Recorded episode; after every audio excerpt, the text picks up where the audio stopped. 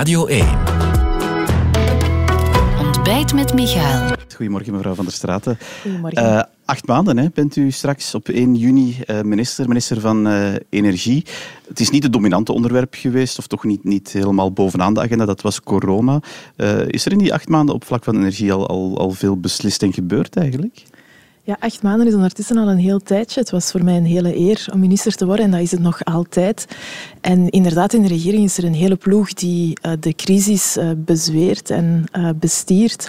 En tegelijkertijd is er ook een andere ploeg, en daar behoor ik ook toe, om alles klaar te maken na corona, de relance voor te bereiden na corona. En we hebben de eerste acht maanden heel erg gewerkt aan onze bevoorradingszekerheid, maar ook het realiseren van de energieswitch. Ja, maar het belangrijkste komt er allicht aan voor u. Dat is dit najaar. Hè, want het heeft alles te maken met die, die kernuitstap die uh, in het regeerakkoord staat. Maar hoe zit het daar precies mee? Want de definitieve beslissing die, die is voor uh, eind dit jaar. We hebben uiteraard eerst en vooral beslist in het regeerakkoord wat we gaan doen met onze energiemix. En daar hebben we gezegd uh, dat we de wet op de kernuitstap, die eigenlijk al twintig jaar oud is, dat we die gaan uitvoeren. Daar is eigenlijk ook een hele brede politieke consensus over. Dat is nooit anders geweest. En bovendien kunnen er ook vijf van onze zeven kerncentrales niet langer open blijven. Dus dat wil zeggen dat we werk moeten maken van onze bevoorradingszekerheid um, en tegelijkertijd moeten zorgen voor die energieswitch. En dat hebben we de afgelopen tijd gedaan. Dus hebben met de regering beslist over ons investeringsmechanisme om die bevoorradingszekerheid te gaan garanderen. En tegelijkertijd um, uh, zorgt dat voor heel veel flexibiliteit in ons energiesysteem, zodat we zon en wind, hè, wat dat over, overwegend gaat zijn en gaat worden richting 2050, dat we dat gewoon altijd kunnen benutten, ook als het niet waait en ook als de zon niet ja. schijnt. Over die, die alternatieven zo meteen, maar eerst over die kernuitstap nog even. Um, het, het, beslissende moment in het najaar, van wat hangt dat dan precies af? In het uh, najaar gaan we kijken hoe ver we staan. Dus ons uh, energiebeleid is eigenlijk de afgelopen twintig jaar vaak comateus geweest. Uh, wat afwachten, kijken, wat gaat er gebeuren. En dat is absoluut niet hoe ik erin sta. Dat is ook helemaal niet hoe deze regering erin staat. We hebben gezegd, dit is ons plan, we gaan dat doen. Uh, we gaan zorgen voor die bevoorradingszekerheid. En in uh, oktober, november gaan we kijken waar we staan. En wat moet dan op de tafel liggen om, om dat goed gekeurd te krijgen? We gaan kijken of dat we voldoende projecten hebben om de bevoorradingszekerheid te garanderen um, en ook die voldoende uh, flexibel zijn en om te kijken of we effectief geen onverwachts probleem hebben voor de bevoorradingszekerheid. Dus er zijn bedrijven in ons land die elke milliseconde uh, energie nodig hebben, maar niemand wil ook tussen zes en acht thuiskomen en geen licht hebben. Dus dat is echt, daar neem ik geen risico mee. En die evaluatie die maken we in oktober, november. Ja, want dan zegt u ook, als die zekerheid niet op de tafel ligt, dan, dan is die kernuitstap in 2025 geen voldongen feit. Als die zekerheid niet op tafel ligt, dan gaan we kijken uh, welke maatregelen dat we moeten nemen. En we hebben altijd gezegd dat op dat moment alles op tafel ligt, sowieso. Uh, dat is maar verantwoordelijk uh, beleid, hè, want het is gewoon heel belangrijk dat we ervoor zorgen dat die bevoorradingszekerheid gegarandeerd wordt. Maar we hebben wel de afgelopen acht maanden heel hard gewerkt om ervoor te zorgen dat al die puzzelstukken op tafel uh, liggen. Uh, en ik ben er op dit moment vrij gerust in. Ja, u, u hebt een paar keer al verwezen naar die, die initiële wet op de kernuitstappen. Die dateert al van bijna twintig jaar geleden, ja. zeker. Uh, natuurlijk, intussen is ook veel gebeurd. Er zijn misschien ook wel wat meningen bijgedraaid. Het, het halstarrig vasthouden aan kernuitstap, mag ik zeggen dat dat toch niet meer algemeen gedragen is? Er is alleszins een zeer brede politieke consensus over de rol van kernenergie in ons land. Nu, ik vind het debat over kernenergie heeft zijn plaats. Hè. Dus het is een terecht hè, dat we daar ook over, over discussiëren. Maar we moeten wel altijd heel goed kijken naar de finaliteit. En de finaliteit is één, onze bevoorrading. Twee, 100% hernieuwbare energie tegen 2050. En dan is de vraag hoe, dat we, dat hoe dat we dat bereiken. En vijf van onze zeven kunnen niet open blijven. Dus we hebben daar een bevoorradingszekerheidsprobleem. En zon en wind is er overvloedig en is er veel, is er ook niet altijd. Dus dat wil zeggen dat we flexibiliteit nodig hebben. En ik kan niet aanvaarden dat we windmolens moeten afzetten omdat het waait, omdat we te weinig flexibiliteit ja. hebben. Een van, een van de alternatieven waar naar gekeken wordt zijn die gascentrales. Nu, daar wordt steeds vaker van gezegd. Ik zag gisteren ook nog een opiniestuk daarover in de morgen. Ja, als je in een klimaatcrisis zit, dan is dat misschien het domste wat je kan doen met die CO2-uitstoot. Ja. Dat is toch een argument? Ik word daar ook niet gelukkig van. Dus ik vind dat zelf helemaal geen leuke beslissing uh, om te nemen. Maar eender wie dat hier vandaag tegen u voor u zou gezeten hebben als de minister van Energie, had diezelfde beslissing moeten nemen. We hebben twintig jaar lang echt een comateus beleid gehad. Het is niet voorbereid. Dus eigenlijk is het een absolute schande dat het niet voorbereid is geweest. En dan moet je op korte termijn noodzakelijke beslissingen nemen. Wat ik wel heb gedaan, is om de hoeveelheid daarvan uh, absoluut te gaan beperken. Er is ooit gesproken over acht gascentrales. Ik denk dat gaan er niet meer zijn dan twee tot drie. En ten tweede was voor mij ook heel belangrijk om in ons mechanisme te verankeren dat dat geen gas kan blijven en dus eigenlijk de uitstap uit fossiel gas ook nu al te betoneren. Maar dat is natuurlijk nu nog niet het geval. Hè? Nee, maar het is wel heel belangrijk om die duidelijkheid te geven aan investeerders. Dus er komen straks investeerders met een project voor een fossiele gascentrale. Die investeerder moet vandaag weten dat deze regering, dat deze overheid, maar ook breder dan ons, dat er in Europa niet aanvaard wordt dat dat fossiel gas mhm. blijft en dat die dus al vanaf 26 plannen op tafel moet leggen om ervoor te zorgen dat dat geen fossiel gas meer zal zijn. Ja, natuurlijk allemaal voor die bevoorradingszekerheid. Hè. Sommigen zeggen dan, ja, u bent ideologisch heel erg eh, op, op die kernuitstap gefixeerd, waardoor u maakt dat u bijvoorbeeld dan toch ja, vervuilende gascentrales gaat moeten zetten, of misschien zelfs erger, elektriciteit uit kerncentrales uit andere landen invoeren, om toch maar uw punt te maken. Ja, daar, dat, dat kwetst mij eigenlijk soms wel een beetje. dat wordt inderdaad soms vaak uh, gezegd. En het is eigenlijk helemaal niet hoe, dat ik, er, hoe dat ik erin sta. Integendeel, wij kijken naar feiten, wij kijken naar uh, cijfers. En dan kunnen we gewoon niet anders vaststellen dat we één, een probleem hebben, maar nog belangrijker, dat we ook een uitdaging hebben. Een uitdaging om die energie, energieswitch te gaan realiseren. En, en daar is waar we mee moeten bezig zijn. Dan hebben we die flexibiliteit heel hard nodig. Ja, maar nog even daarover, toch, is het dan niet absurd dat we misschien uh, kernenergie uit andere landen gaan moeten invoeren, omdat wij zelfs dat principieel beslissen? Wij hebben um, vandaag in ons land, wat er heel bijzonder is aan ons land, dat wij zeer centraal gelegen zijn en dat wij zeer goed geïnterconnecteerd zijn. Dus we zijn niet alleen geïnterconnecteerd met Frankrijk, ook met Engeland. We hebben de best presterende uh, verbinding verbinding uh, met Engeland over zee.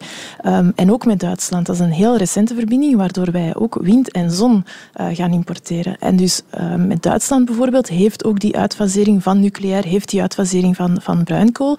En die interconnecties gaan er ook voor zorgen dat we die hernieuwbare energie beter gaan kunnen binnentrekken. We hebben nu ook binnenkort een nieuw buurland, Denemarken, dat we ook gaan interconnecteren en waar we onze windmolenparken met elkaar gaan verbinden. Dus die interconnecties dragen mee bij aan die energie, energieswitch. Ja, we hebben natuurlijk ook zelf uh, offshore uh, plekken. Hè. Die zijn ja, al bij al beperkt, maar ja, die, die zijn, er kan nog ruimte bij gecreëerd worden. Ja. Zegt, zeggen sommigen, is dat zo? Dat denk ik ook, ja. Ik, denk de, ik vind beperkt ook niet ik spreek niet graag over beperkt, want we zijn het vijfde land wereldwijd mhm. als het gaat over offshore wind. We hebben twintig jaar geleden besloten om daarin te investeren en vandaag zijn we het vijfde land. Het draagt enorm veel bij aan onze economie op vlak van jobs, uh, bijvoorbeeld, uh, maar ook voor onze bevoorradingszekerheid. En dus wij hebben nog mogelijkheden op onze Noordzee uh, om in de capaciteit die er vandaag is, inderdaad te gaan verdubbelen en die interconnecties ook te gaan maken met het buitenland. Het is een, um, een staaltje van ondernemerschap, van visie, van politieke visie. Die twee die komen uh, samen en die zorgen ervoor dat wij als land hebben gepioneerd en in de toekomst nog kunnen blijven pionieren. Ja, maar zegt, daar moeten wij vooral op inzetten. Het zal vandaar moeten komen dan? De Noordzee heeft alleszins altijd de, het potentieel, de kracht om de grootste duurzame energiecentrale te gaan worden. En waar dat we zaken ook kunnen gaan combineren. Bijvoorbeeld offshore met waterstof. En door de juiste verbindingen te leggen, niet alleen van ons land, van op de zee naar land, maar ook met onze buurlanden, kunnen wij daar uh, de basis leggen uh, voor uh, die 100% hernieuwbare energie. Ja, op welke termijn ziet u dat? ongoing, van nu tot 2050. dus we, zijn, we gaan een, een, eiland bouwen in de Noordzee, een energiehub in de Noordzee, waarmee we ook opnieuw gaan pionieren voor die aansluiting te kunnen realiseren. Ondertussen werken we ook aan de uitbreiding van de capaciteit. Dan zitten we 25, 26. Maar ook onze um, verbindingen met het, het buitenland, dus met Engeland en met Denemarken dan zitten we 26, 27, 28 om tegen 2030 die duurzame basis te hebben. Ja, tot 2030 is er dan nog vijf jaar na die kernuitstap. als alles nu op de tafel ligt in november uh, en uh, ja, er blijkt dat dat uh, toch allemaal niet lukt, wat dan? En wat als het wel lukt? Ja, maar ik, laat me toe het andere te vragen. Ik, ik, laat u toe om het andere te vragen. Als het, eh, dan uh, gaan we kijken naar alle uh, andere opties die er mogelijk zijn en komen alle opties op tafel. En als het uh, wel lukt, dan blijven we ook met de gewone zelfde kracht en dezelfde proactiviteit verder werken. Want ook als het niet lukt, als het wel lukt, dan, zijn er, dan, dan blijft de uitdaging gewoon heel groot. Ja, ik vraag, ga er toch even op door, mevrouw Van der Straten, want dat is de vraag die dan relevant is natuurlijk. U zegt inderdaad, vijf van de zeven kerncentrales kunnen niet open blijven, twee wel. Is het een optie dan om, om dat, dat doel te bereiken wat u zegt, om die termijn dan toch even over 2025 te halen? U gaat niet willen antwoorden, zie ik. Eh, jawel, het is uh, wat we eigenlijk daarnet in het begin van het gesprek al gezegd hebben. Uh, we maken de evaluatie waar we staan en afhankelijk van het resultaat kan alles besproken worden. Dat is het. Het, is, het lijkt simpel, het is complex. Mhm. Het is wel hoe ik erin sta. En wat ik vooral zie, in ik heb zelf negen jaar in de sector gewerkt, er liggen gigantisch veel projecten op tafel. Er liggen veel projecten op tafel, ook, ook innovatieve uh, projecten. En het is nodig om dat kader te creëren, om die duidelijkheid te creëren en, om met de woorden van mevrouw Westager te zeggen, uh, move forward without drama. En dat is wat we in, de, in, in energie gewoon even nodig hebben. Ja, drama, dan uh, zijn zonnepanelen nooit ver weg natuurlijk. Het draagvlak door alles is, is niet zo groot in Vlaanderen, is deze week nog eens gebleken. Hoe, hoe belangrijk zijn die zonnepanelen in uw verhaal? Heel belangrijk. De, zeker de zonnepanelen in combinatie met elektrische geeft een ongelooflijk voordeel. Uh, dat kunnen, kunnen samen kan dat de grootste batterijcapaciteit worden van ons land. En het is voor mij ook verschrikkelijk erg om te zien wat er gebeurd is.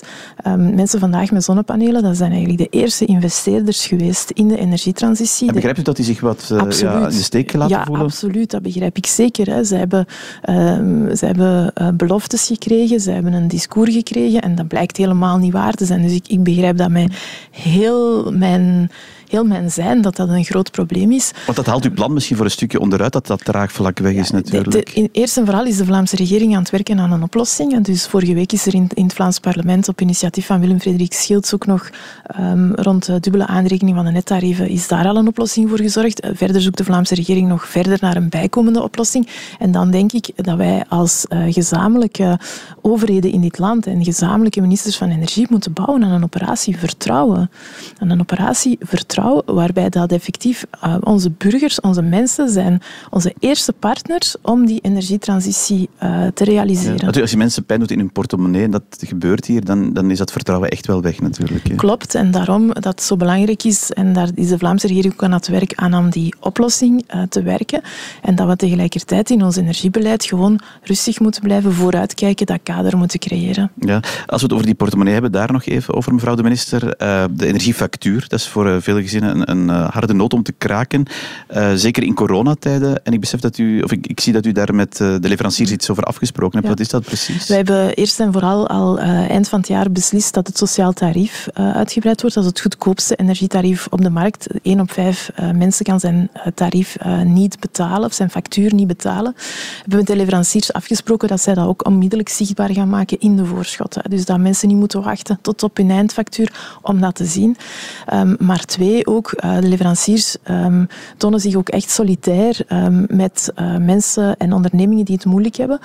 Uh, want het herstel gaat nog lang duren. Um, en dus in die zin gaan zij soepel omgaan met mensen die, en ondernemingen die betalingsmoeilijkheden hebben. En zo is de energiesector solidair met het herstel na corona. Ja, u hebt een charter met hen afgesloten. Ja, het, het corona-charter, ik ben daar echt heel blij om. Het toont wat de energiesector kan doen. Het toont eigenlijk ook dat de energiesector partner is ook voor bedrijven, voor mensen die moeilijkheden hebben. En zo, samen door die solidariteit te verankeren, geven we een slok op de borrel, een beetje ademruimte om ervoor te zorgen dat we ook die periode na corona goed gaan doorkomen. Ja, het is een charter, u, hebt dat sociaal tarief aangehaald, maar het is ook voor zelfstandigen bijvoorbeeld? Die, het is voor die, zelfstandigen, het is voor bedrijven.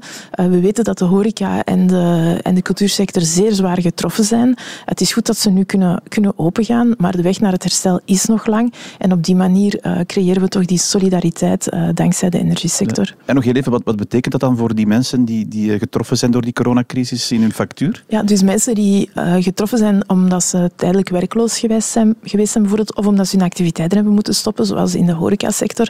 Uh, als zij um, um, betalingsmoeilijkheden hebben, zullen zij op een soepele manier betalingsfaciliteiten krijgen.